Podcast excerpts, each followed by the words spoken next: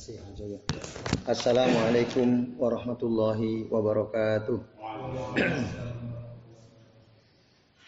Alhamdulillahi rabbil alamin. Wabihi nasta'inu ala umuri dunia waddin. Wassalatu wassalamu ala asrafil anbiya'i wal mursalin. Wa ala alihi wa ashabihi wa man tabi'ahum bi isanin ila yaumiddin. Ashadu an la ilaha illallah. Wahdahu la syarika lah wa ashadu anna muhammadan abduhu wa rasuluh. Allahumma salli wa sallim wa barik ala Muhammad wa ala ali Muhammad kama sallaita wa baraka ala Ibrahim wa ala ali Ibrahim fil alamin innaka Hamidum Majid. Rabbi israh li sadri wa yassir li amri wa hlul 'uqdatam min lisani yafqahu qawli amma ba'du. Ikhwas sekalian, azan ya Allah wa iyyakum ajmain. Alhamdulillah pada malam hari ini atas izin Allah kita bisa berjumpa kembali untuk melanjutkan ngaji kitab uh, hilyatu talibil ilm ya, perhiasan para penuntut ilmu. Pada pertemuan pekan lalu kita sudah membahas sampai poin yang ke-57 dan malam ini kita akan lanjut membahas poin yang ke-58. Jadi kita masih membahas pada poin larangan-larangan ya yang sebaiknya tidak dilakukan oleh seorang tolib, ya, seorang penuntut ilmu. Nah, pada poin yang 58 ini dikatakan ya tahbiru al-kagidi. Tahbirul kagid diterjemahkan membuat coretan gitu ya. Membuat catatan atau coretan. Jadi seorang talib ya.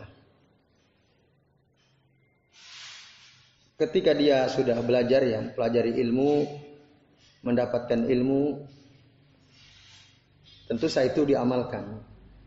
Lalu kemudian didakwahkan, disampaikan kepada orang menyampaikan ilmu itu bisa lewat lisan seperti ini atau bisa lewat tulisan.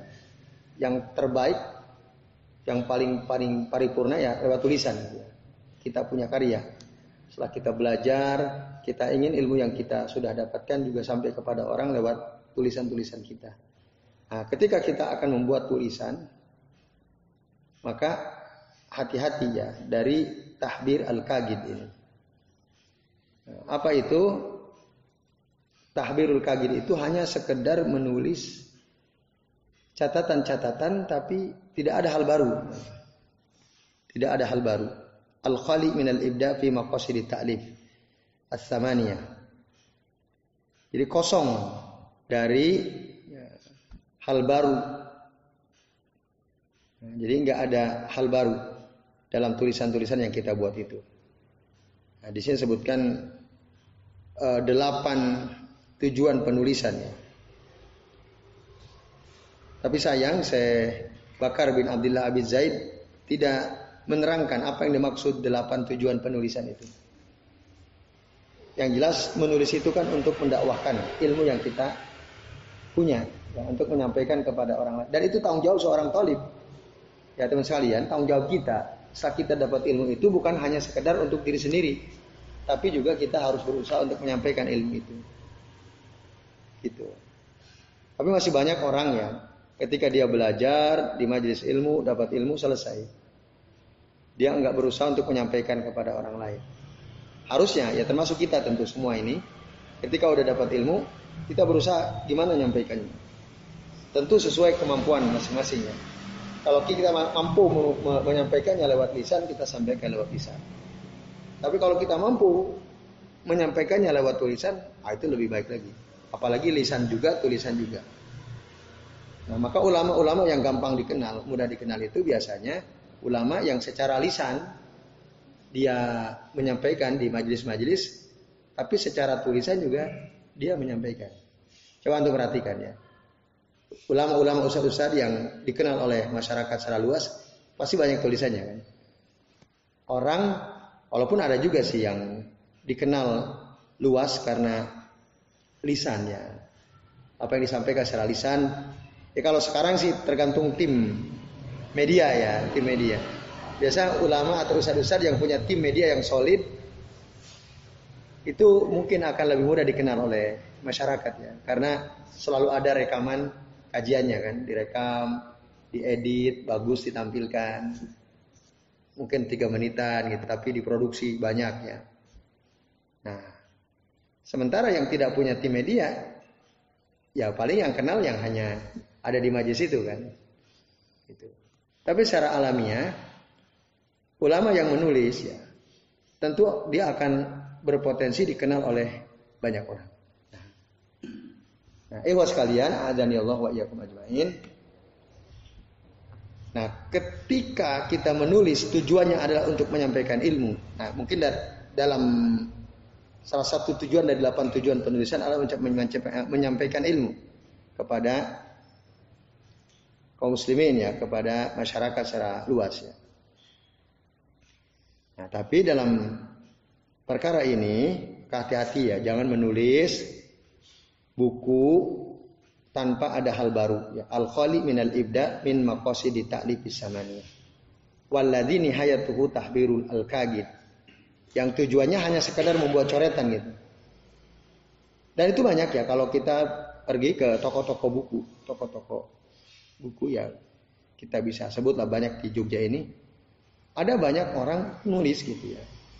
Nulis perkara penting dalam ya masalah agama tapi karena tidak ada hal baru ya jadi kurang menarik gitu ya. Nah, itu jadi peringatan dari Syekh Bakar ini. Jadi kalau kita mau tulis, artinya kita harus punya wawasan. Kita mau nulis tentang apa? Contoh misalnya, saya mau nulis tentang sholat sholat sunnah berdasarkan hadis Nabi. Contoh itu ya.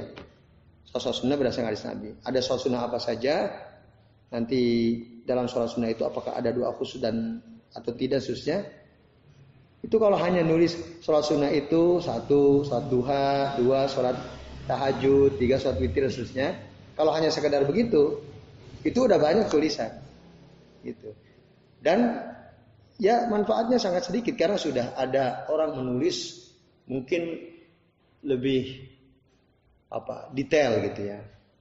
Maka kalau kita hanya menulis sholat-sholat sunnah dalam hadis Nabi misalnya, ya hanya sekedar coretan biasa gitu, nggak ada hal baru, orang nggak akan tertarik gitu ya. Terus tidak, karena tidak ada tidak ada perkara baru dalam tulisan kita.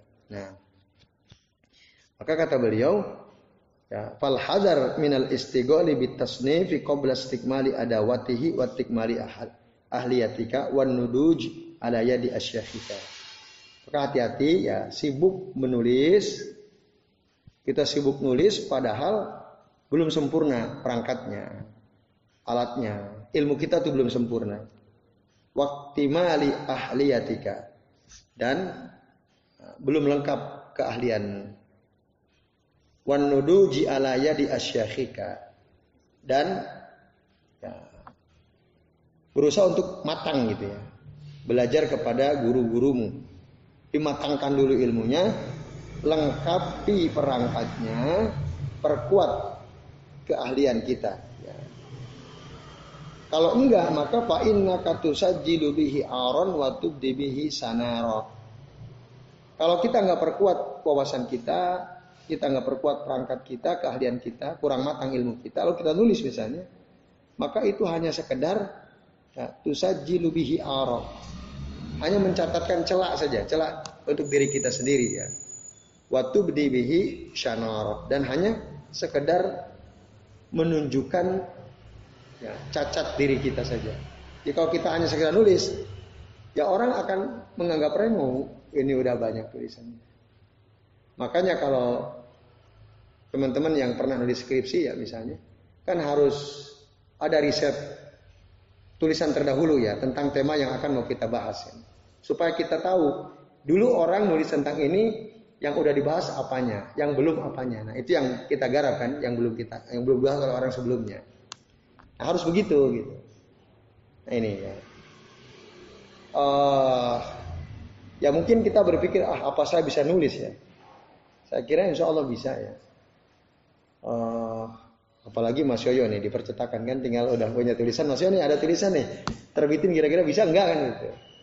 Nah, saya kira mungkin ya di antara kita nulis mungkin ya kira-kira. Mungkin.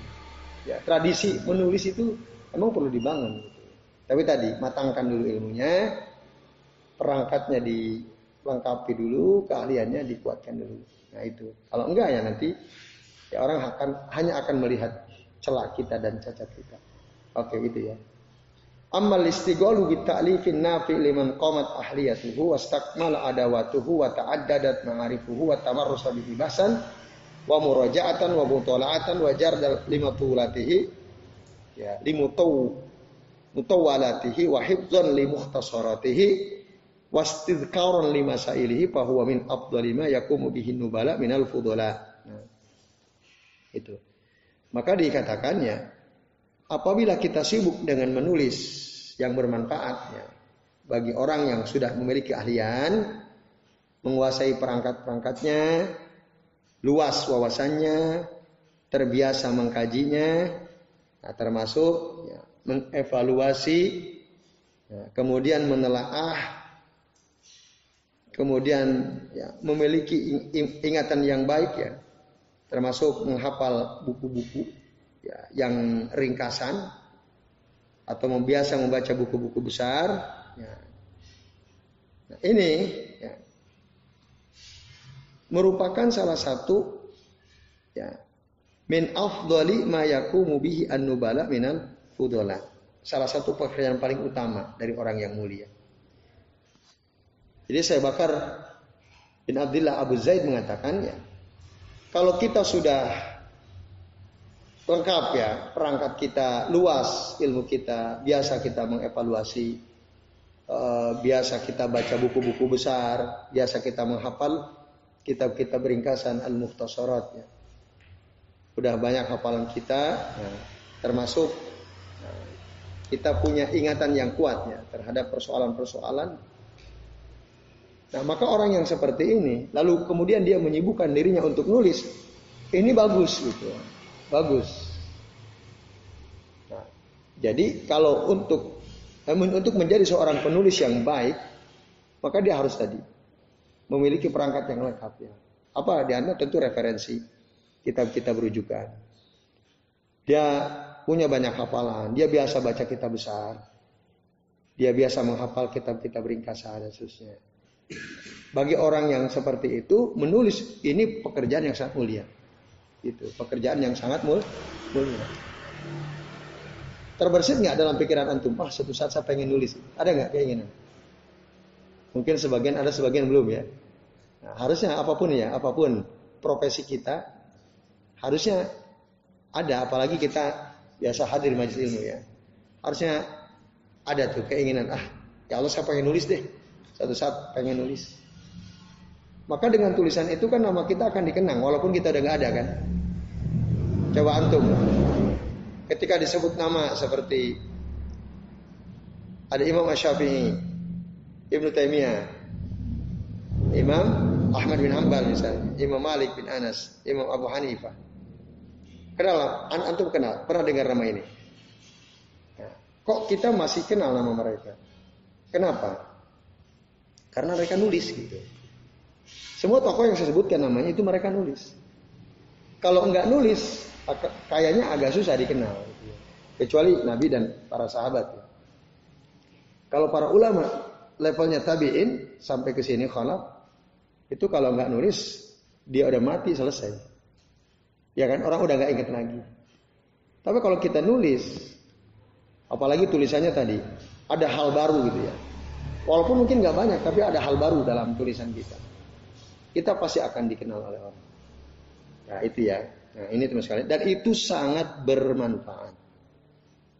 Berapa banyak pahala yang akan mengalir ke kita lewat tulisan kita ketika banyak orang tercerahkan dari tulisan kita. Ya kan? Ya kan ada banyak buku yang masyur ya. Orang banyak beli buku itu. Walaupun mungkin itu sebenarnya banyak hal yang perlu disempurnakan. Contoh buku tuntunan sholat. Anda pernah dengar nama itu buku itu? Tuntunan sholat. Dulu saya juga beli itu waktu kecil pengen tahu beli. Biasanya orang orang itu kalau apalagi yang dulunya mungkin nggak pernah sholat gitu ya, ya Islam tapi nggak pernah ngerti terus dia sadar ingin tahu biasanya dia merujuk ke buku tuntunan sholat kan, ya atau tidak? Masyur itu terkenal. Nah, maka pahala dia banyak banget tuh. Orang yang tadi nggak tahu ya dari takbiratul ihram sampai salam itu bacaannya apa saja dan seterusnya. Lalu dia tahu dari buku itu. Wah itu manfaatnya luar biasa. Walaupun nah, misalnya kami menemukan ada banyak yang perlu diperbaiki dari buku itu. Contoh misalnya di buku itu kan diterangkan tentang sholat duha. Sholat duha itu doanya Allahumma inna duha duha uka wal baha baha uka dan seterusnya. Ini kan perlu diperbaiki. Kenapa? Karena nggak ada hadisnya nggak ada. Ini bukan dari Nabi Sallam. Kalau kita merujuk kepada sunnah, maka yang biasa dibaca oleh Nabi bukan itu, tapi Allahumma kili wa alayya innaka antat tawwabur rahim. Misalnya itu ya. Dan kalau antum teliti, itu banyak hal yang perlu disempurnakan. Nah, ini sebenarnya proyek menarik gitu ya. Uh, katakanlah antum menulis bukunya itu tuntunan sholat gitu ya. Lalu sebuah tulisan kritis ya misalnya antum tulis di bawah judul tuntunan sholat itu dan seterusnya lah. Nah kan ada hal baru orang membaca oh ini mengkritik buku tuntunan sholat. Mungkin antum mungkin tulis apanya urutan judul yang antum mau tulis berdasarkan buku tuntunan sholat. Tapi setiap pembahasan antum kritik, antum kritik. Ini kurang ini, ini kurang ini, dalilnya begini, begini, begini. Kan ada hal baru di situ. Orang pas mau beli, wah ini menarik nih. Nah, coba bayangkan, manfaatnya luar biasa tuh. Orang banyak tertarik dengan buku kita, lalu dibeli oleh banyak orang. Coba berapa banyak orang yang akan merasakan manfaat dari buku itu, dari buku yang kita buat. Nah, maka ini katakan min afdoli mayaku mubihi an-nubala minal fudala. Ini termasuk satu pekerjaan paling utama dari orang-orang yang mulia. Das ya. Kemudian walatan sakaula al-khatib man sonnafa.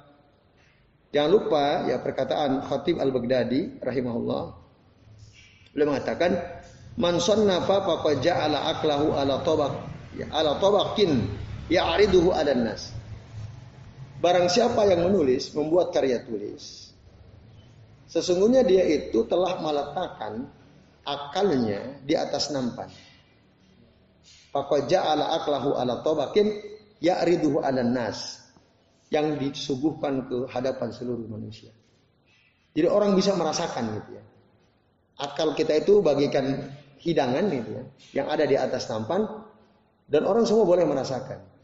Maka orang yang nulis itu ibarat seperti itu, meletakkan akalnya dia bagikan hidangan yang bisa dicicipi oleh banyak banyak orang. Artinya apa? Tulisan itu bisa mencerahkan gitu. Dan memang harus mencerahkan. Oleh karenanya kalau kita mau tulis ya harus ada hal baru dalam tulisan kita, jangan sampai mengulangi apalagi plagiat gitu ya. Hanya ya persis sama Lalu hanya kita rubah namanya aja, nama penulisnya dengan nama kita. Ya. Nah itu pasti akan jelek sekali itu. Boro-boro buku yang isinya plagiat semua, artikel saja gitu. Kalau ada satu dua tiga paragraf plagiat, itu jadi masalah sekali. Dari dulu bahkan sama saja.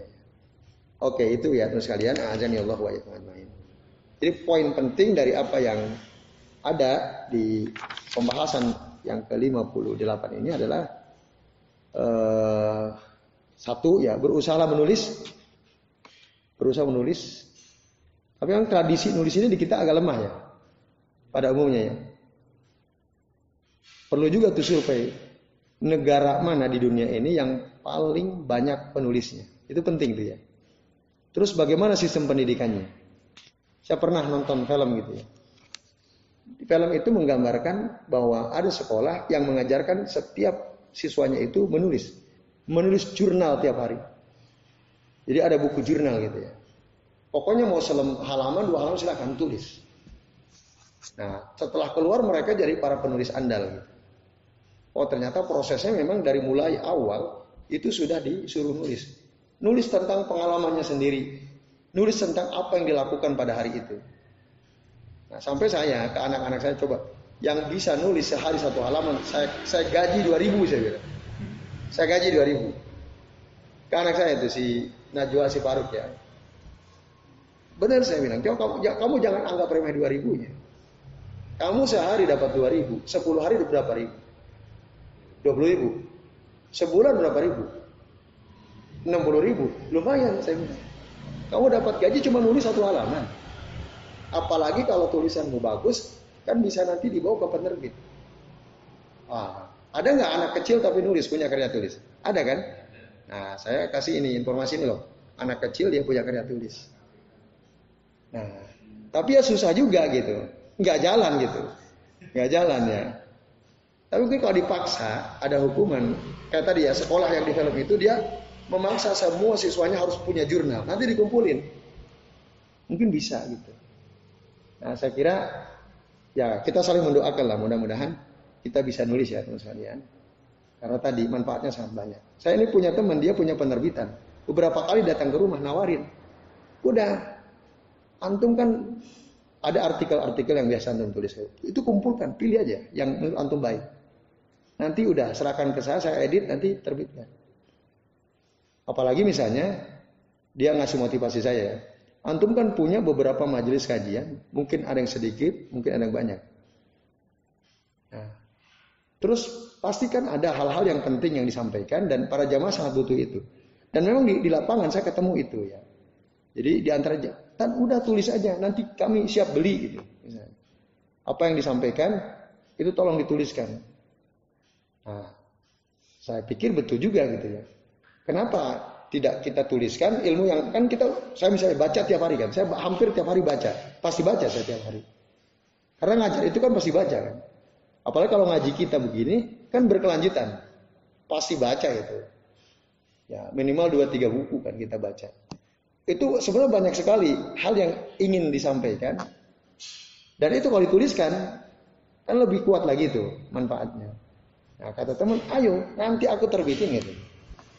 Aku terbitin. Nah, dia bawa beberapa sampel buku terbitan dia, covernya bagus-bagus gitu. 50 halaman nggak masalah kata dia. 100 halaman nggak masalah. Intinya, ayo karyamu, tak tunggu. Nah, oh menarik juga gitu ya. Nah, ini yaitu motivasi ya dari seorang teman yang saya sedang berusaha juga ini gimana caranya supaya betul-betul terwujud. Ada juga jamaah di Batam, Babarsari sana Batam ya. Namanya Pak Wisnu. Dia sering duduk hadir, saya rutin ngisi kajian setiap zuhur ya, hari Kamis. Pada zuhur sampai jam 1. Dia itu sering, Ustadz, saya itu sering dapat hal baru dari kajian yang antum sampaikan. Saya kan ngaji ngaji kitab juga, ngaji kitab habis satu kitab nanti ganti kitab lain khususnya udah banyak kitab lah. Terus dia cerita ini loh, saya udah lebih mungkin dari 20 buku yang saya karang, yang saya susun. Awisnu namanya. Bahkan dia kasih saya hadiah karya dia sendiri. Kata dia saya aja yang merasa wawasan saya tidak seluas antum. Itu saya punya karya. Harusnya antum lebih punya lagi kata dia. Nah, ini karya saya. Bahkan mohon maaf ya, beliau dalam keadaan stroke itu bisa menghasilkan beberapa buku. Dalam keadaan stroke bisa nulis. Kenapa antum tidak kata dia? Wah ya juga gitu. Nah, tadi ya intinya menulis itu sangat bermanfaat lah. Maka begitu juga dengan kita semua saya kira. Cuma tadi memang di poin ini pesan dari saya Bakar bin Abdullah bin Abi Zaid adalah perkuat dulu wawasan kita, perangkatnya, bacaannya dan seterusnya. Ya gitu saya kira ya. Jadi mudah-mudahan sekali lagi kita ini suatu saat kelak bisa menghasilkan karya tulis ya. Antum nggak usah lihat, oh saya kan profesi cuma begini, begini, begini, nggak ada kaitannya dengan masalah keilmuan. Hmm, ada, ada banyak orang nulis yang dia tidak harus bergerak di dunia akademis ya, tidak harus sebenarnya. Ya, misalnya Mas Arif kerja di bidang apa misalnya? Kan bisa pengalaman-pengalaman yang dialami kan, itu ditulis. Nah, Mas Islam misalnya, bergerak di bidang apa nih sekarang? Ya itu ditulis seterusnya. Ya tidak harus ada kaitannya masalah agama kan. Yang penting tujuannya memberikan pencerahan, manfaat buat orang. Itu ya, mari kita saling mendoakan lah. Mudah-mudahan kita ini suatu saat nanti punya karya ya yang bermanfaat untuk masyarakat. Oke, baik itu teman sekalian. Poin yang ke-58. Kemudian yang ke-59. Mauqifuka min wahami man sabakok. Ya, man sabakoka. Sikapmu terhadap kekeliruan ulama sebelum kamu. Nah, jadi teman sekalian, kita ini kan ibaratnya pembelajar ya, sedang cari ilmu. Kalau kita rutin terus hadir di majelis ilmu, kita akan bertambahkan ilmunya. Seiring dengan bertambahnya ilmu kita, ditambah lagi kita rajin baca, sangat mungkin gitu ya, kita bisa menemukan kekeliruan dari seorang ulama yang sebelum kita terdahulu. Karena setiap orang kan mungkin keliru kan, ya atau tidak? ulama sahabat apa pun mungkin keliru. Gitu ya. Nah, lalu bagaimana sikap kita kalau mendapatkan kekeliruan? Gitu ya. Nah, di sini diterangkan ya. Jadi kalau kita mendapatkan kekeliruan pada karya seorang ulama terdahulu atau ulama yang hidup sejaman dengan kita. Nah, maka sini katakan ya, zofir tabi wahmil alimi fala tafroh bihi lihat lihatin minhu. Kalau kita menemukan ada kesalahan seorang alim, ya, baik yang terdahulu atau yang sejaman dengan kita, maka fala tafroh bihi lihatin minhu. Jangan kita merasa senang, gembira karena kesalahan dia. Jangan. Oh, misalnya ada ulama, ada ustadz zaman kita ya, yang hidup di zaman kita sekarang. Kita udah dapat ilmu, lalu oh ini Ustaz salah nih.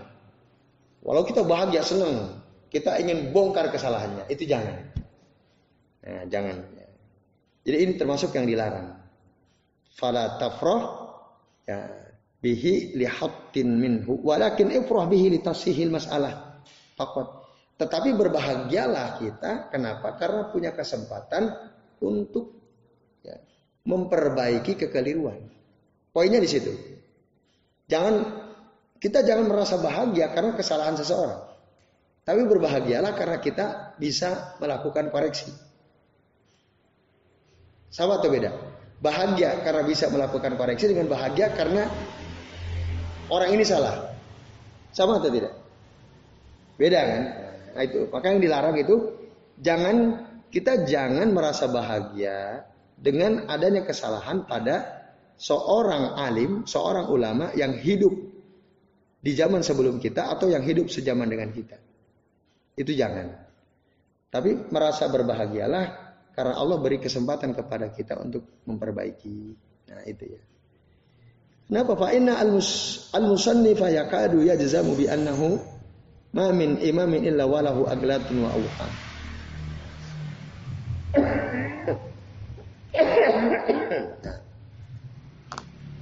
Karena ya kalau kita objektif itu kita akan sadar bahwa tidak ada seorang pun ulama ya, kecuali dia pasti ada kesalahannya, ya, pasti ada kesalahannya, pasti ada kekeliruannya.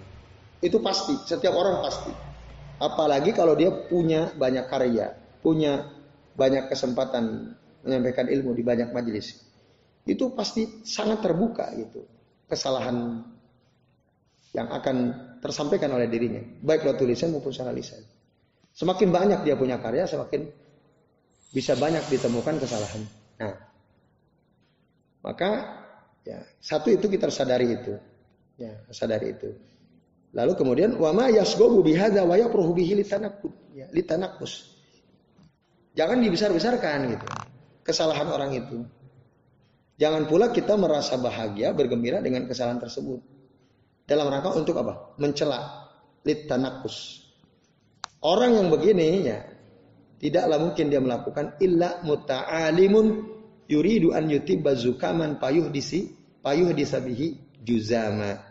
Nah orang seperti ini kata saya Bakar, dia ini orang yang sok pinter, muta'alim. Ya. Orang yang sok pinter, Nah, ibarat dia itu ingin menyembuhkan penyakit ya, flu yang kemudian justru mendatangkan penyakit penyakit kusta. Semakin baik apa semakin buruk? Ah, semakin buruk. Gitu ya, Jadi yang dilarang dari seorang talib itu jangan berbahagia, bergembira karena kesalahan yang dilakukan oleh ulama dulu atau ulama yang sejaman dengan diri. Jangan. Itu ya. Kemudian Naam yunabbahu ala khotoin aw wahmin waqo ali imamin gumira fi bahrin ilmihi wa fadlihi.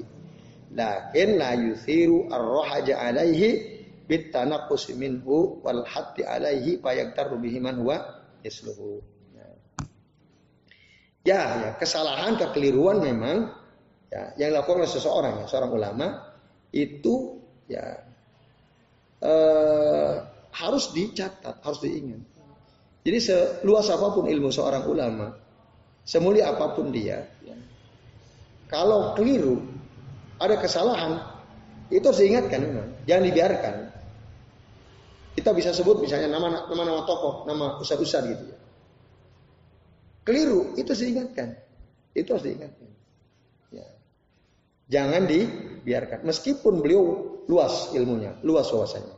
Kalau kita mendapatkan ada kesalahan, maka kita harus Ingatkan harus kita catat. Tapi la yusiru ar-rohaj alaihi bitanakus bitanakus ini. Nah, tetapi nah, jangan membesar-besarkan masalah kesalahan ini untuk mencela dia. Itu poin yang penting diperhatikannya. Yang tidak boleh lakukan. Jangan kita besar-besarkan. Oh, Ustaz Fulan, Kiai Fulan keliru dia. Nah, dia salah maksudnya. Nah, ini saya kira penting ya. Jangan kita besarkan dalam rangka untuk mencela dia atau untuk merendahkan dia. Jangan. Nah, karena apa? Nanti kalau kita tujuannya untuk mencela, merendahkan ulama itu, nah, nanti akan banyak orang yang tertipu gitu ya. Dikatakan nah, sehingga orang-orang seperti dia akan tertipu. Seperti dia itu seperti kita gitu ya. Seperti kita yang masih mencari ilmu akan tertipu. Nah ini ikhwas kalian azani Allah wa Jadi poin pentingnya adalah kalau kita mendapatkan kesalahan pada seorang ulama terdahulu atau ulama yang sejaman dengan kita, jangan gembira karena kesalahan dia, lalu kita besar-besarkan untuk mencelaknya, tapi bergembiralah karena kita punya kesempatan untuk memperbaiki. Poinnya di situ. Nah, terus penjelasan penting dari poin ini adalah ya, satu ya memperbaiki kekeliruan itu hukumnya apa wajib atau sunnah memperbaiki kekeliruan wajib sesuatu yang keliru wajib diperbaiki nah tapi ingat kita harus perhatikan kalau kita mau memperbaiki seorang ulama seorang ustadz gitu ya kita perhatikan ini Ustadz popularitasnya seperti apa? Kemasyurannya. Lalu pengikutnya sebanyak apa? Nah itu juga perlu diperhatikan. Jangan sampai kita salah langkah. Maka kata saya Muhammad bin Sa'ud dalam sarahnya dia beliau sendiri ya, kita harus perhatikan itu. Dan tentu memperhatikan kemaslahatan yang akan terjadi di masa yang akan datang. Maka kalau dia adalah seorang ustadz yang banyak pengikutnya, banyak jamaahnya, lalu melakukan kekeliruan. Ingatkan, perbaiki, tapi kalau bisa jangan Allah yasrahu. Jangan terang-terangan gitu. Wah, kiai pulan, ustadz pulan salah dia, keliru dia. Ini kata-katanya begini, ini nggak benar, yang benar seperti ini. Nah ini beresiko. Resikonya apa? Kritik kita nggak akan diterima oleh pengikutnya. Karena mereka sudah terkadung menyanjung gurunya itu kan. Maka dalam keadaan seperti itu, kata saya, ada saya ingin itu jangan terus terang gitu ya. Jangan sebut namanya terang-terangan. Ya, katakanlah ada seorang tokoh, seorang ulama mengatakan begini-begini, ini nggak benar, yang benar seperti ini karena ini yang sesuai dengan sunnah. Kita nggak usah sebut namanya. Tapi kalau ulama itu pengikutnya nggak banyak, dan tidak fanatik gitu ya para pengikutnya. Nah, dalam keadaan seperti itu boleh saja kita sebut Kiai Fulan, Ustaz Fulan. Ya, ketika beliau membahas tentang masalah ini, itu beliau keliru karena bertentangan dengan hadis Nabi yang benar seperti ini. Itu boleh. Ya. Oke, saya kira itu bisa dipahami ya. Nah, itu sikap kita ketika kita mendapatkan kesalahan pada seorang ulama. Ya. Kemudian, ya sekalian, ajan ya Allah wa ya. Dapu asyubuhat.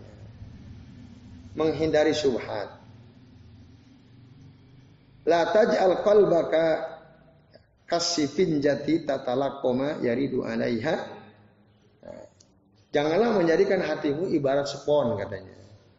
Yang menyerap semua yang datang kepadanya. Tatalakoma yuridu alaiha. Ma yaridu alaiha Fajtanib isarata syubahi wa iradaha ala nafsika au ghairika. Maka jauhilah ya, sikap ya, isar, isarota asyubah. Isarota syubah itu ya, subhatnya. Jadi kita jauhi perkara-perkara yang bisa mendatangkan syubhat. Pada dirimu sendiri atau kepada yang lain. Karena apa? Pasubahu khotofatun. Pasubahu khotofatun. Karena subhat-subhat itu ganas. Wal kulu wudu'ifatun dan hati-hati itu lemah. Wa aksaru man yulqiha hamalatul hatab al mubtadi'ah. Dan kebanyakan orang yang menyebarkan subhat-subhat itu adalah hamalatul hatab para pemikul kayu bakar al mubtadi'ah. Para ahli bid'ah ya fatawaqqahum maka berhati-hatilah atau hindarilah mereka. Nah, teman-teman sekalian, azani Allah wa yakum ajmain. Ini poin yang ke-60 ini. Kita ya, jangan sampai mendekati subhat. Subhat itu apa? Sesuatu yang samar. Tidak jelas dasarnya. Kita menyampaikan sesuatu, oh amalan itu ini begini, begini, begini. Tapi kita nggak nyebutkan dalil gitu. Ini kan subhan. Nah ini subhan. Nah, maka hindari yang seperti itu. Kalau kita mau menerangkan, maaf ini misalnya perkara agama ya. Kalau perkara yang di luar agama mungkin relatif agak longgar ya. Tapi kalau perkara agama, itu jangan sampai kita menuliskan sesuatu, mengutarakan sesuatu ya. Tanpa ada dasar yang kokoh gitu, tanpa ada dalil. Ini subhat ini maksudnya. Dan itu berbahaya gitu. Nanti kalau orang mendengar sementara kita tidak sampaikan dalilnya dan memang kita nggak yakin juga apakah sesuatu yang kita sampaikan ini ada dasarnya atau tidak. Yang penting menurut akal kita begini begini begini. Nah itu bahaya. Gitu. Bahaya untuk diri kita. Nanti kita jadi ahlul bid'ah. Nah lebih bahaya lagi kalau orang yang dengar ngikutin. Ya kan? Orang lain ngikutin. Padahal kita nggak punya dasar gitu. Ya. Nah itu maksud hindari syubhat ya, perkara-perkara yang tidak jelas dasarnya. Nah ini ya bapak-bapak uh, ikhwas sekalian azan ya Allah wa.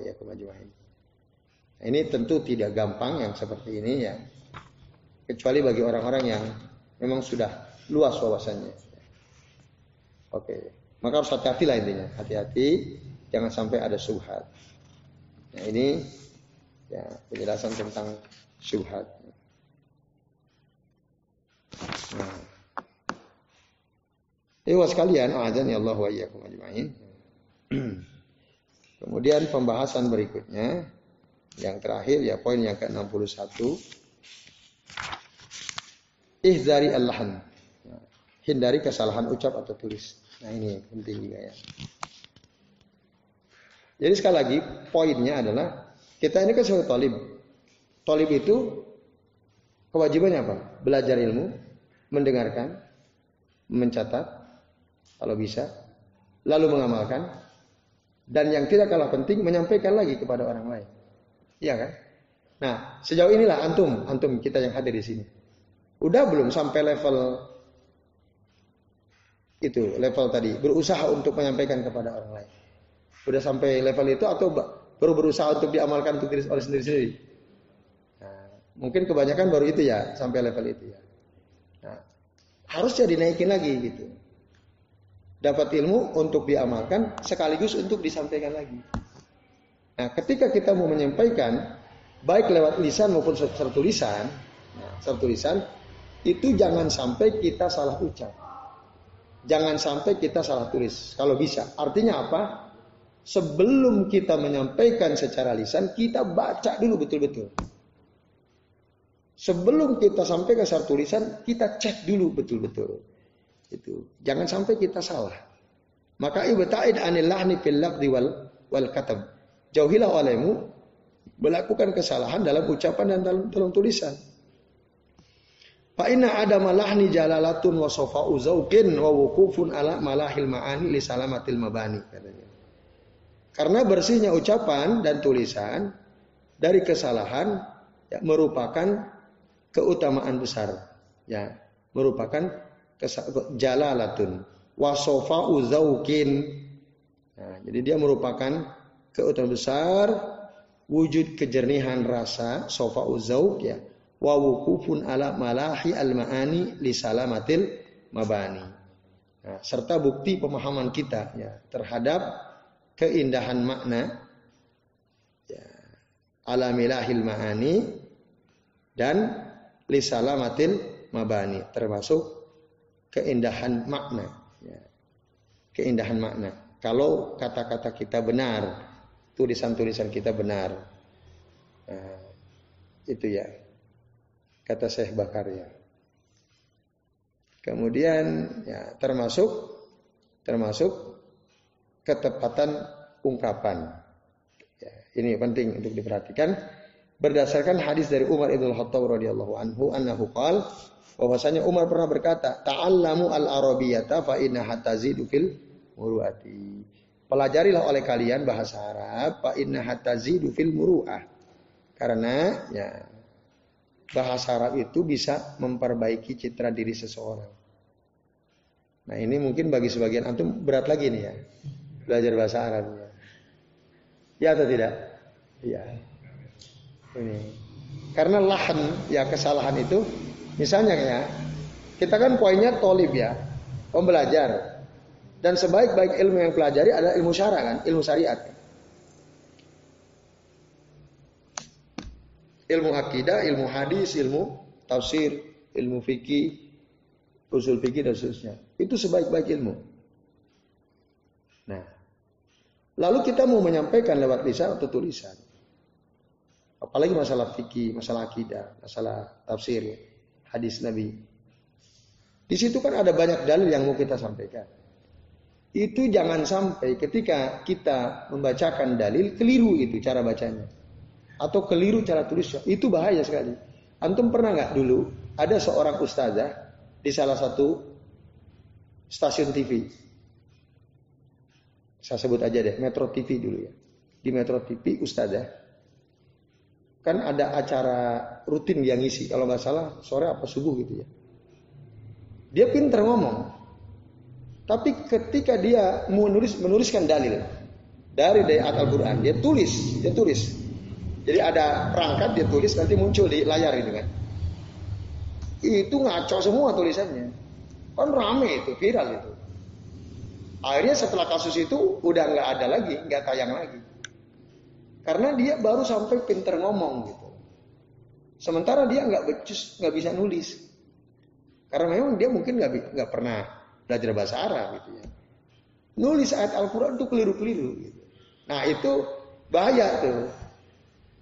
Yang kayak gitu. Maka hati-hati. Jangan sampai salah dalam menulis di tulisan atau dalam mengucapkan. Nah ini. Bisa dipahami ya? Teman-teman sekalian, azan ya Allah wa Nah ini lebih berat lagi ini ya. Eh, terutama bagi kita pada umumnya. Kemarin ada beberapa teman-teman ya ikut pelatihan khotib dan dai ya. Khotib dan dai. Di antara teman-teman itu ada yang saya kenal, saya tanya materinya apa saja sampaikan.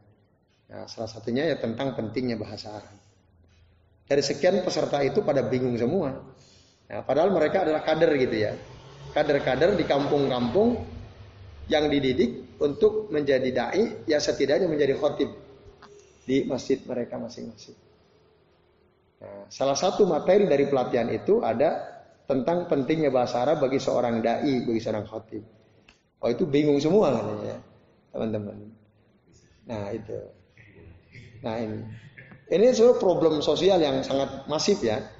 Uh, bagaimana kita umat Islam ini dijauhkan dari bahasa Arab kan? Betul atau tidak? Antum aja kalau antum tanya diri antum sendiri. Antum lebih familiar dengan bahasa Inggris atau bahasa Arab? Antum. Bahasa Inggris ya? Bahasa Inggris. Kita kayaknya lebih akrab gitu, lebih gampang, lebih dekat. Kok bisa gitu kan? Pertanyaan kok bisa? Padahal penggunaan bahasa asing dalam kehidupan kita sehari-hari bahasa asing, bukan bahasa ibu ya. Yang paling sering digunakan dalam kehidupan kita sehari-hari bahasa apa coba? Bahasa Arab. Kan? Bahasa Arab. Tapi kok kenapa kita tidak lebih tertarik kepada bahasa ini gitu. Bahkan lebih tertarik dengan bahasa asing yang lain kan? Padahal faktanya dalam kehidupan kita sehari-hari kita banyak bersinggungan dengan bahasa Arab. Ketemu aja sama teman kan udah bahasa Arab gitu. Kaget aja bahkan ketemunya bahasa Arab gitu. Ketemu teman assalamualaikum bahasa Arab kan. Kaget astagfirullahaladzim kan bahasa Arab gitu ya. Nah, tapi tapi kok kenapa kita nggak tertarik kan? Pada umumnya kenapa kita nggak tertarik? Apa coba itu? Kan ngeri itu kan? Itu dan ini masif gitu loh. Masif itu besar sekali bilangannya gitu. Banyak umat Islam di negeri ini yang dia nggak tertarik dia bahasa Arab. Nah, padahal ini penting gitu. Dan bahkan coba antum periksa. Ada nggak ustadz-ustadz yang pinter ceramah tapi dia ngerti bahasa Arab? Ada nggak? Menurut antum ada nggak? Banyak. Ceramah udah ke mana-mana. Tapi bahasa Arab orang ngerti. Itu banyak sekali. Yang penting modalnya bisa ngomong, banyak baca kan gitu. Buku terjemah, lalu ceramah. Ada kesempatan ceramah. Tapi nggak bisa bahasa Arab. Nah, jadi akhirnya orang-orang yang ngerti bahasa jadi lucu gitu dengarnya. Jadi lucu dan jadi ya nggak nggak mantep gitu. Nah, itu ya. Kalau orang awam mungkin nggak ngerti kan gitu, nggak ngerti. Kok kayaknya mantep-mantep aja. Gitu. Tapi kalau kita ada ngerti, wah ini kok ngasal gitu sembarangan khususnya. Nah ini ya ikhwas kalian azan ya Allah wa ajmain. Jadi ya hati-hati gitu ya. Jangan sampai salah ucap. Jangan sampai salah tuh tulis. Sampai dikatakan di sini. Tadi ya kalau kita bisa bahasa Arab, kata Umar Ibn Khattab, itu akan memperbaiki citra diri. Gitu. Saya nggak tahu yang ada di benak antum ketika antum mendengar penting bahasa Arab apa itu ya, yang ada di pikiran antum. Gitu ya. ya kan sebagian besar, waduh, Oh, kayaknya ini repot ini repot gitu ya. Nah, kebanyakan begitu ya. Saya ngadain kursus tuh di rumah bahasa Arab. Itu merotoli itu. Dari tadinya 10 tambah 15. Sekarang tinggal berapa? Sekarang tinggal tiga gitu ya. Nah, tinggal tiga gitu. Iya. Ada sih yang bertahan apa? Tiga ya sampai sekarang tiga terus ya. Tapi tadi ada yang sudah sampai 15 gitu ya nambah 10 tambah lagi tambah lagi berganti sekarang tinggal tiga padahal di antara mereka yang ikut rata-rata ikut kajian gitu rutin ikut kajian nah ya bukan hanya sekali dalam sepekan loh berkali-kali gitu itu aja nggak kuat gitu. ya apalagi yang nggak pernah ikut kajian kan wah kayaknya nggak penting banget bahasa Arab kan nah ini ya sekalian azan ya Allah ayah nah Padahal nah kata Umar ta'allamu al-arabiyah fa inna hatta zidu bil muru'ah. Bisa memperbaiki citra diri. Oke. Okay. Terus waqad waroda an jama'atin minas salaf annahum kanu yadribuna auladahum ala lahan. Jadi telah ada beberapa riwayat ya dari jamaatus salaf. Jadi orang-orang ulama salaf terdahulu itu mereka akan memukul anak-anak mereka ya ketika anak-anak mereka itu keliru dalam ucapan tersalah apa melakukan kesalahan lahan ulama dulu dulu kan bahasa Arab penting banget kan Jadi tokoh-tokoh seperti Imam Bukhari itu kan bukan orang Arab aslinya. Ya, Bukhara itu di mana? Di kalau nggak salah di, di Spanyol apa di mana ya?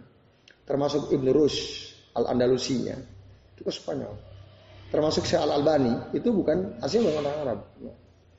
Di Albania. Ya. Nah, tapi mereka berusaha keras gimana bisa bahasa Arab.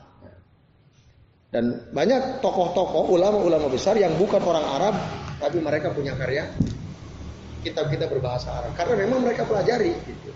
Nah, jadi teman-teman sekalian, ya, ulama-ulama dulu itu kalau ada anak, anaknya dia mengucapkan hadis Nabi, mengutip ayat Al-Quran, kok salah, dipukul gitu. Salah dipukul.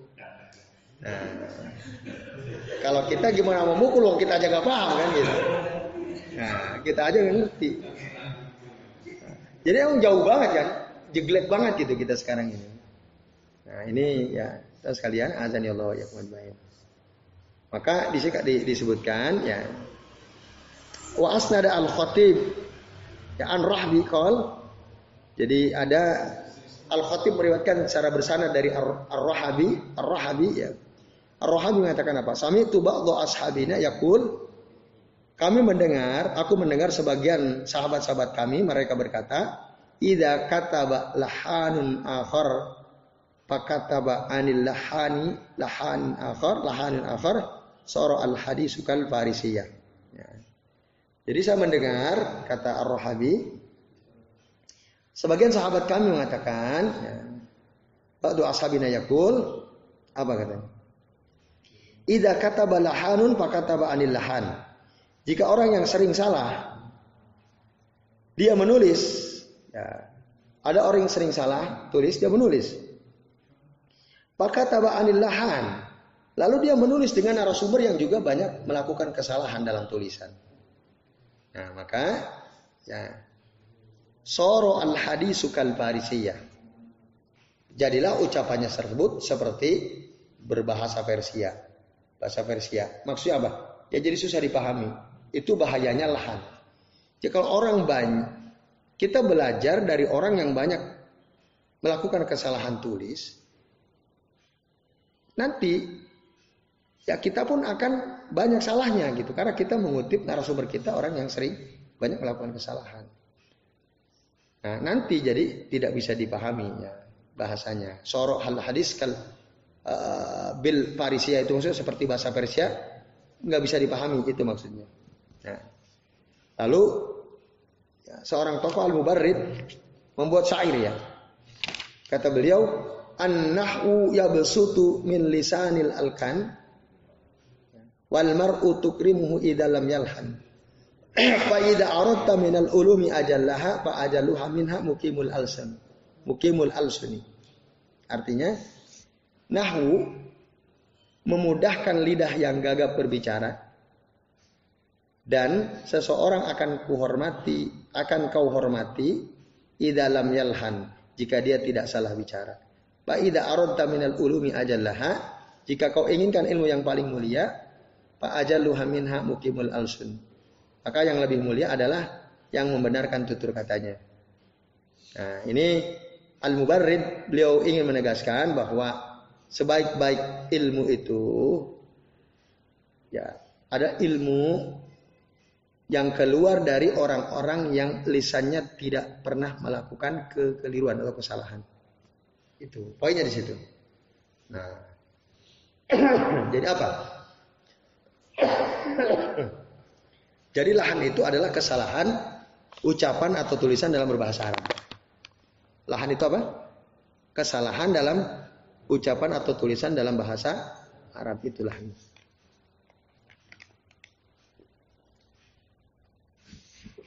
Artinya apa? Supaya tidak terjadi kesalahan, kita harus belajar gitu. Belajar apa? Kalau bahasa Arab belajar nahu, belajar sorot, itu ya belajar. Gitu. Nah, nah kalau kita mendengar harus belajar nahu, belajar sorot, wah lebih pusing lagi itu ya. Ya, orang pada umumnya aduh, gitu ya. Gitu. Ya tadilah faktanya berat sekali ya. Karena milieu memang lingkungan kita dijauhkan dari bahasa Arab. Dan orang yang ingin menjauhkan umat Islam dari bahasa berhasil dia. Dia berhasil. Kayaknya proyek yang sangat berat untuk membangkitkan kembali kecintaan kaum muslimin di negeri ini ke bahasa Arab. Kayaknya kayaknya berat kayaknya. Itu proyek sangat berat itu ya. Apalagi jika para penguasa, pemimpin itu yang tidak suka terhadap Islam gitu ya. Wah itu lebih berat lagi. Bahkan mungkin orang yang bisa bahasa Arab itu dianggap teroris kan, oh lebih ngeri lagi kan. Belum lama kan gitu ya, ada hasil, ada peneliti gitu ya. Dia mengatakan bahwa ciri-ciri teroris itu dia belajar bahasa Arab. Pernah kan ada beritanya kan? Coba orang awam gimana tuh mendengar itu? Tambah ngeri kan? Ya kalau ada orang tua punya anak, nah kamu belajar apa? Bu, saya belajar bahasa Arab. Wah, hati-hati kamu nak, bahaya. Itu berarti kamu dekat sama teroris, kan ngeri itu. Dan itu efektif gitu untuk menjauhkan umat ini dari bahasa Al-Quran. Itu sangat efektif. Berhasil itu mereka. Nah, maka memang capek banget gitu. Untuk membangkitkan semangat, yuk kita belajar bahasa itu capek. Karena tadi orang, wah ada antisip, anti, antipati dulu gitu ya. Yang ngaji aja berat, apalagi yang ngaji kan. Yang ngaji aja berat. Membangkitkan semangat, yuk belajar bahasa kepada teman-teman yang ngaji saja, saya merasa berat. Itu 10-15 orang itu 90% lebih itu ngaji itu. Akhirnya merotoli kan. Tinggal tiga. Itu. Itu berat. Lagi mana ngajak orang belajar bahasa Al-Quran yang tidak pernah hadir ke majelis ilmu. Lebih berat lagi. Kayak kemarin temannya Mas siapa itu? Sabdo itu ya. Ya kalau dia nggak pernah itu berat banget pasti. Dia berat banget. Walaupun tidak menutup kemungkinan karena Allah berikan petunjuk misalnya ada orang baru pertama tapi semangat luar biasa ada juga. Tapi pada umumnya seperti itu. Oke baik. Kemudian berikutnya ya sekalian, ya. Maka ya wa alaihi fala tahfal bi qaulil qasimi ibnu al mukhaymir mukhaymirah rahimahullahu taala. Nah, katanya, oleh karena itu jangan peduli terhadap ucapan Qasim bin Al-Mukhaimirah. Semoga Allah rahmati beliau. Ta'allumun nahwi awwaluhu syuglun wa akhiruhu bagyun. Nah, ini ini ngeri juga ini seorang ulama tapi dia ngomong begini. Belajar nahu itu awalnya sibuk, akhirnya berlebihan. Jadi hanya menyibukkan diri dan berlebihan. Kan kesannya jadi buruk kan? Kesannya jadi buruk. Sama di Indonesia juga ada. Ada seorang ustaz, dia menulis artikel pengalaman dia ngajar bahasa Arab. Yang kesimpulan dari artikelnya dia itu bahwa bahasa Arab itu nggak penting gitu. Itu kesimpulan dia akhirnya. Dia ini ustaz cukup dikenal lah di Indonesia ini. Dikenal tulisannya juga cukup banyak ya. Dan dia salah satu alumni kampus dari dari Timur Tengah. Bayangkan kesimpulan dia, bahasa itu gak penting deh udah. Gitu. Kenapa? Alasan dia satu, ya nggak dipakai. Wong dia haji, umroh aja ke sana, nggak kepake kok bahasa Arab. Wong orang-orang sana para penjual itu ngomongnya pakai bahasa Indonesia, haji, haji, haji, sini haji, sini haji. Lima puluh ribu, lima puluh ribu. Nah, antu kalau umrah nanti itu banyak orang begitu. Para pedagang hampir di seluruh toko-toko dekat Masjid Nabawi, dekat Masjidil Haram. Itu pinter. Walaupun bisanya cuma itu gitu ya. Kalau diajak ngomong lebih jauh bingung juga gitu ya. Akhirnya kan orang Indonesia ngapain belajar bahasa Arab kan gitu. Nah itu. Apalagi nanti kita bisa bayar pakai rupiah. Cuman bayarnya 50 ribu atau 100 ribu kan. Selain itu nggak mau mereka. Nah mereka bilang khamsurial, khamsurial atau misalnya asrurial, asrurial, sepuluh real, sepuluh real. Orang Indonesia nggak paham apa asrurial. Nah, nanti dia tunjukin ini two atau three gitu ya. Uang yang warnanya biru, ya, 50 ribuan, tiga atau empat lah gitu misalnya. Jadi udah, coba dia belajar bahasa Arab kepake nggak? Kan nggak kepake tuh. Terus mau pakai apa bahasa Arab? memahami Quran. Ya udah ada terjemahnya. Ngapain capek-capek bahasa Arab kan gitu. Coba bayangkan kesimpulan seorang pengajar bahasa Arab. Seorang pengajar bahasa Arab setelah dia punya pengalaman bertahun-tahun, akhirnya mungkin dia putus asa atau gimana, dia bilang wis bahasa Arab rak penting, orang penting. Kan ngeri itu. Nah, itu ngeri kayak gitu. Nah, yang awam itu kan ngeser ke saya. Ngeser bisa dapat itu ya dari teman gitu ya. Dari jamaah gitu. Yang intinya mungkin dia nggak penting kok bahasa Arab. Ini buktinya Ustadz ini ngomong nggak penting, kan gitu. Wah itu repot lagi kan gitu. Nah ini ya terus sekalian. Oke. Nah dan emang dari dulu ada gitu tokoh-tokoh di antara sebutkan ini. Jadi Qasim bin Mukhaimirah dia mengatakan ta'allamu nahwi awwaluhu suglun wa akhiruhu ya, bagiun. Jadi awalnya hanya menyibukkan diri dan akhirnya hanya berlebihan. Ya. Juga termasuk Wala biqauli Bisri Al-Hafi rahimahullahu taala. Jangan pula kita ya terpengaruh oleh ucapan Bisr Al-Hafi ya, ketika ada orang menasihati dia ya ta'allam an-nahwa, belajarlah kamu ilmu nahwu katanya. Tapi dia Bisr Al-Hafi mengatakan adillu qala kul daraba Zaidun nabra. Dia bilang apa? Aku akan tersesat gitu. Kalau aku belajar ilmu nahu, aku akan tersesat. Bayangkan, ada ulama, ya ulama-ulama saja kita udah bahas kan pada pembahasan sebelumnya, itu nggak bisa nahu ada, dia bisa ngomong Arab, cuman nggak bisa nahu gitu. Ya. Terus ada orang nasihati, ya belajarlah engkau wahai bisar al-hafi bahasa Arab, nahu belajar. Dia bilang apa? Aku akan tersesat kalau aku belajar bahasa Arab. Bayangkan, aku akan tersesat kalau aku belajar bahasa Arab. Kan ngeri kan? Kata-kata seorang ulama dulu ya. Nah, apa alasannya? Dia mengatakan kul, katakanlah doroba Zaidun Amron. Doroba Zaidun Amron. Artinya apa? Doroba Zaidun Amron, si Zaid memukul Amr. Si Am, Amr. Itu yang sering kasih contoh. Doroba itu fi'il, Zaidun itu fa'il, Amron itu maf'ul. Ini kan, ini belajar apa kalimat dasar ya Doroba Zaidun Amron.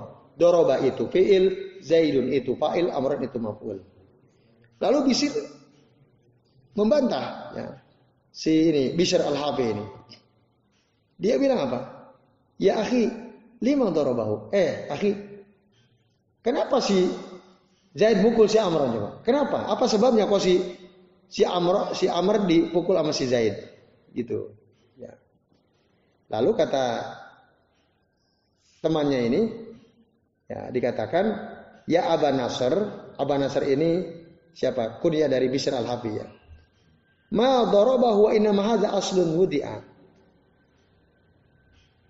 Kata temannya kepada si Bishr al-Hafi, si Zaid itu enggak mukul si Amr enggak. Ya, enggak. Ini ya adalah kaidah saja, kaidah yang dibuat hanya sekedar untuk contoh hanya sekedar contoh. Supaya orang ngerti kalau maf'ul itu mansub, kalau fa'il itu marfu, ya kalau fi'il itu selalu nasab gitu ya.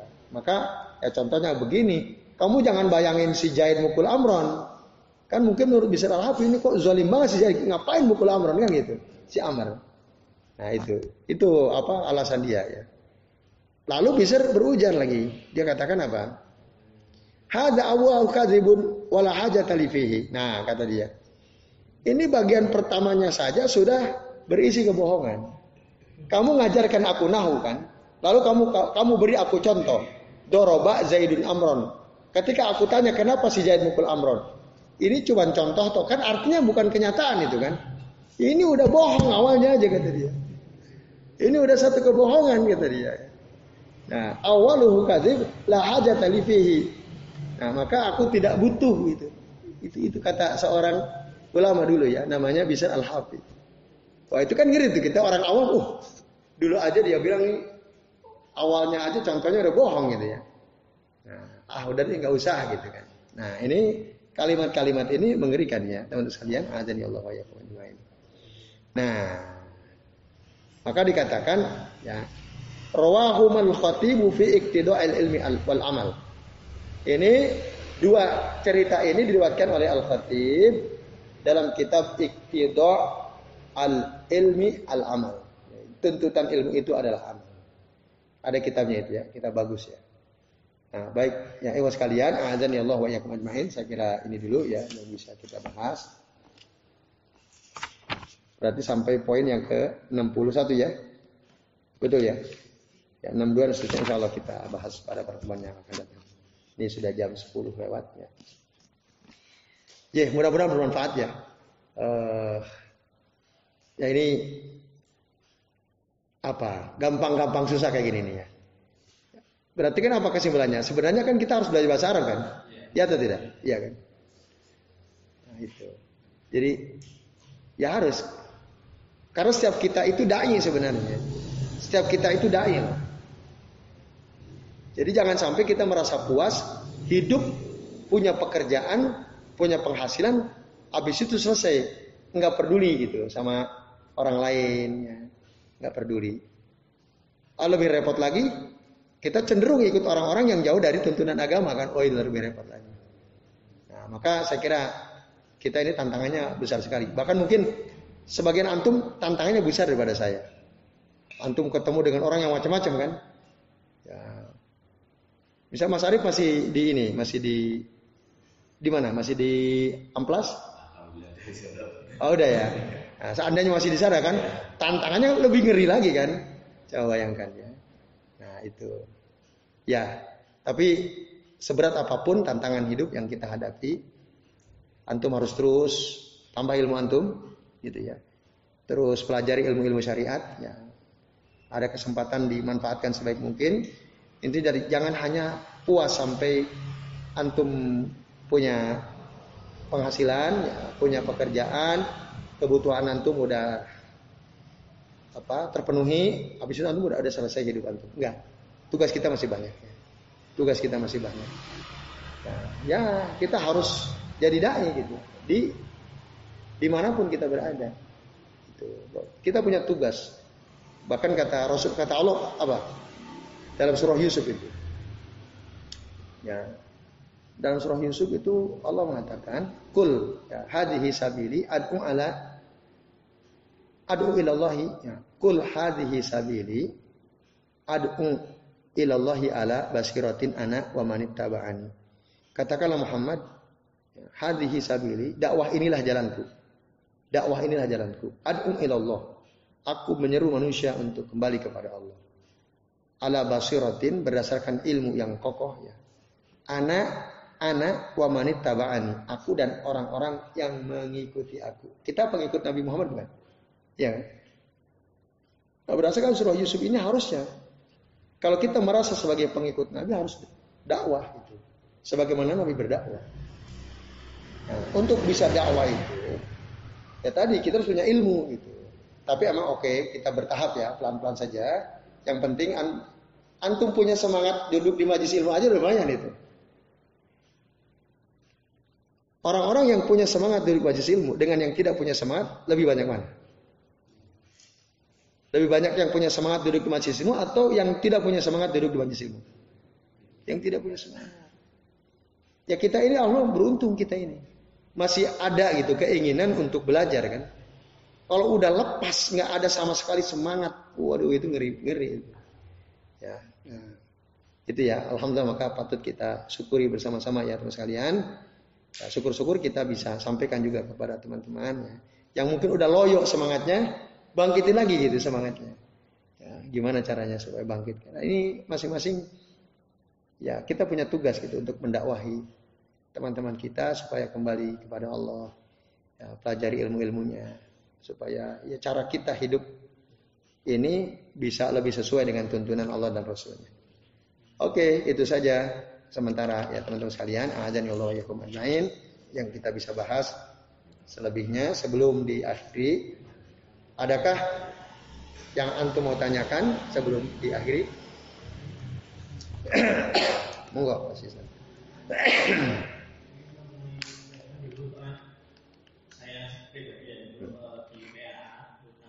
Di apa? Nah. Hmm. Itu mungkin pernah jangan mungkin sering juga keliru karena dari uh, sekarang baru ketahui itu ternyata keliru kan hmm. seperti itu. Ya. Nah, itu ternyata hal seperti itu kayak terbebani di dalam hati saya. Iya, iya. Iya, karena ini, karena ini bahkan anak-anaknya sekarang tuh sekarang udah dewasa, yang saya sampaikan diamalkan oleh mereka. bahkan mungkin disampaikan ke orang lain gitu ya. itu gimana? Nah, nah. itu tadi kalau di dalam hati saya kayak jadi beban gitu ya? iya, beban. Ya ya. Oke terima kasih kasih saya ya itu. Ketika kita sadar kan jadi beban kan? Ya Allah. Dulu banyak sekali salah contoh kecil aja deh di TPA ya saya survei kecil-kecilan Biasa kan diajarkan ngitung angka Arab kan. Wahidun, coba antum itu. Satu, dua, tiga, sampai sepuluh. Coba antum. Satu sampai sepuluh ya. Pakai bahasa Arab bisa nggak? Bisa? Bisa ya? Pakai bahasa Arab ngitung satu sampai sepuluh bisa nggak? Bisa atau tidak? Yang lain selain Mas. Yang lain bisa nggak? Mas Ari bisa nggak? Masih ingat nggak? Lu udah lupa? Tapi pernah diajarin nggak? Mas Yoyo masih ingat? Enggak pernah diajari dulu waktu itu. Nah. Pernah ya? Mas Yayan ingat nggak? Lupa. Tak pernah. Ya. Mas Abri lupa juga. Coba yang ingat aja. Antum semua yang sampai ingat kalau udah ingat berhenti gitu ya. Coba pakai suara keras. Satu, dua, tiga.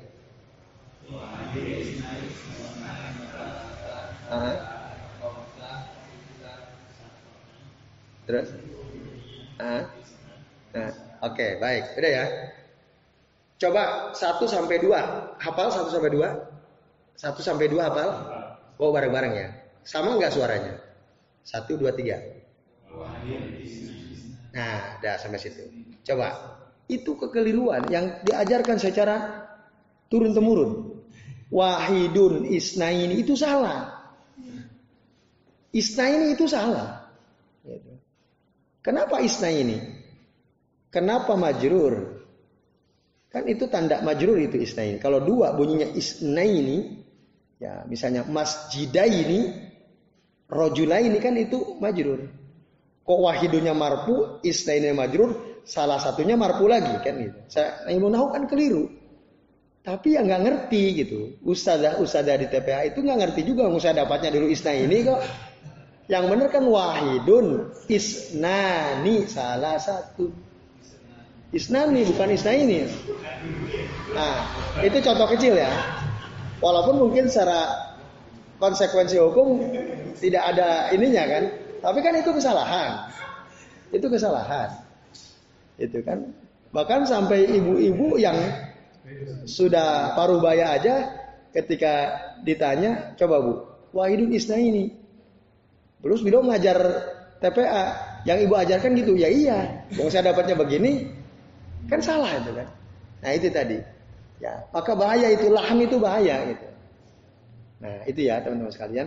Apalagi ada 10 nama malaikat yang wajib diimani. Ah itulah.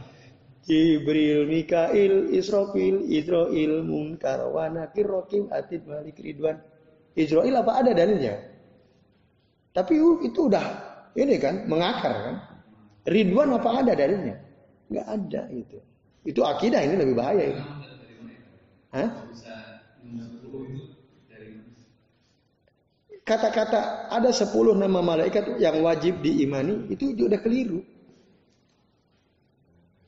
Nggak ada dalil bahwa kita wajib menghafal yang 10. Yang benar itu kita harus beriman kepada seluruh malaikat. Kok dibatasi 10? Dari mana kita batasi 10? Nah itu, itu siapa yang pertama kali kan? Pasti ada awal mulanya kan? Nah. Ah. Ya, bahasanya nggak usah begitu. Kita wajib beriman kepada adanya malah ikat, gitu saja. Contohnya apa? Kan gitu udah. Gak usah ada 10 nama malaikat yang wajib diimani. Kan itu keliru banget itu.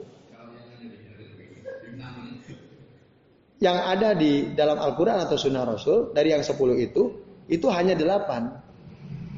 Israel itu nggak ada dalam Quran, dalam hadis nggak ada dalam hadis Sahih. Ridwan nggak ada. Tapi kalau Jibril, Mikail, Israfil dalam Al-Quran ada. Rokib Ati dalam surah Qaf ada. Munkar Nakir dalam hadis ada. Malik dalam Al-Quran ada. Tapi kalau Israel itu namanya malakul maut. Malakul maut. Penjaga surga itu khazanatul zan dalam Al-Quran. Surah itu.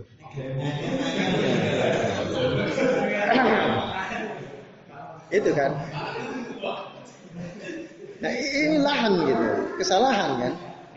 Nah ternyata misalnya ternyata kita termasuk salah satu yang ikut berperan menyebarkan kesalahan kan gitu.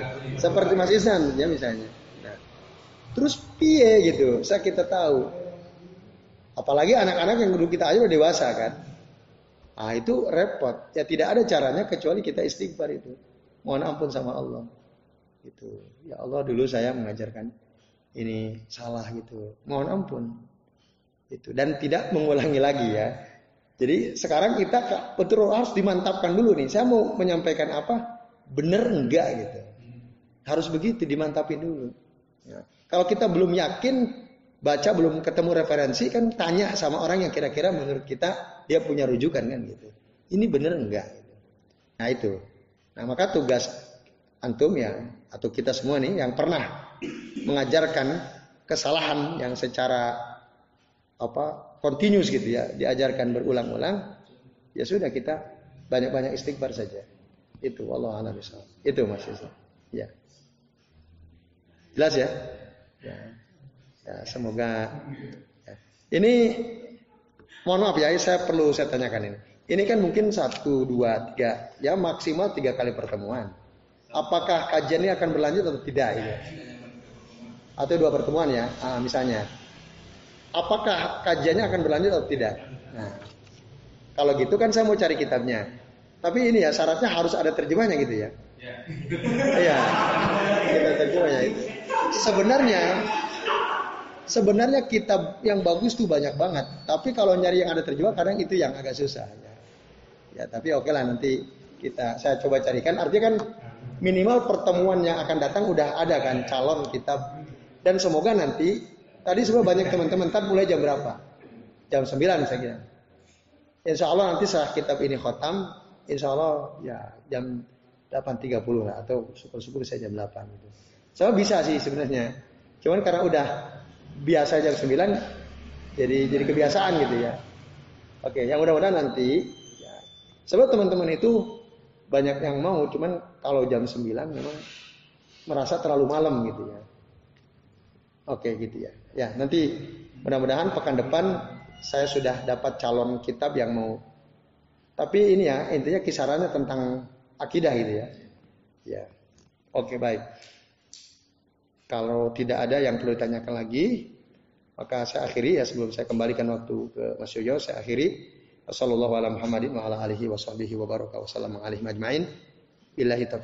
Wassalamualaikum warahmatullahi wabarakatuh.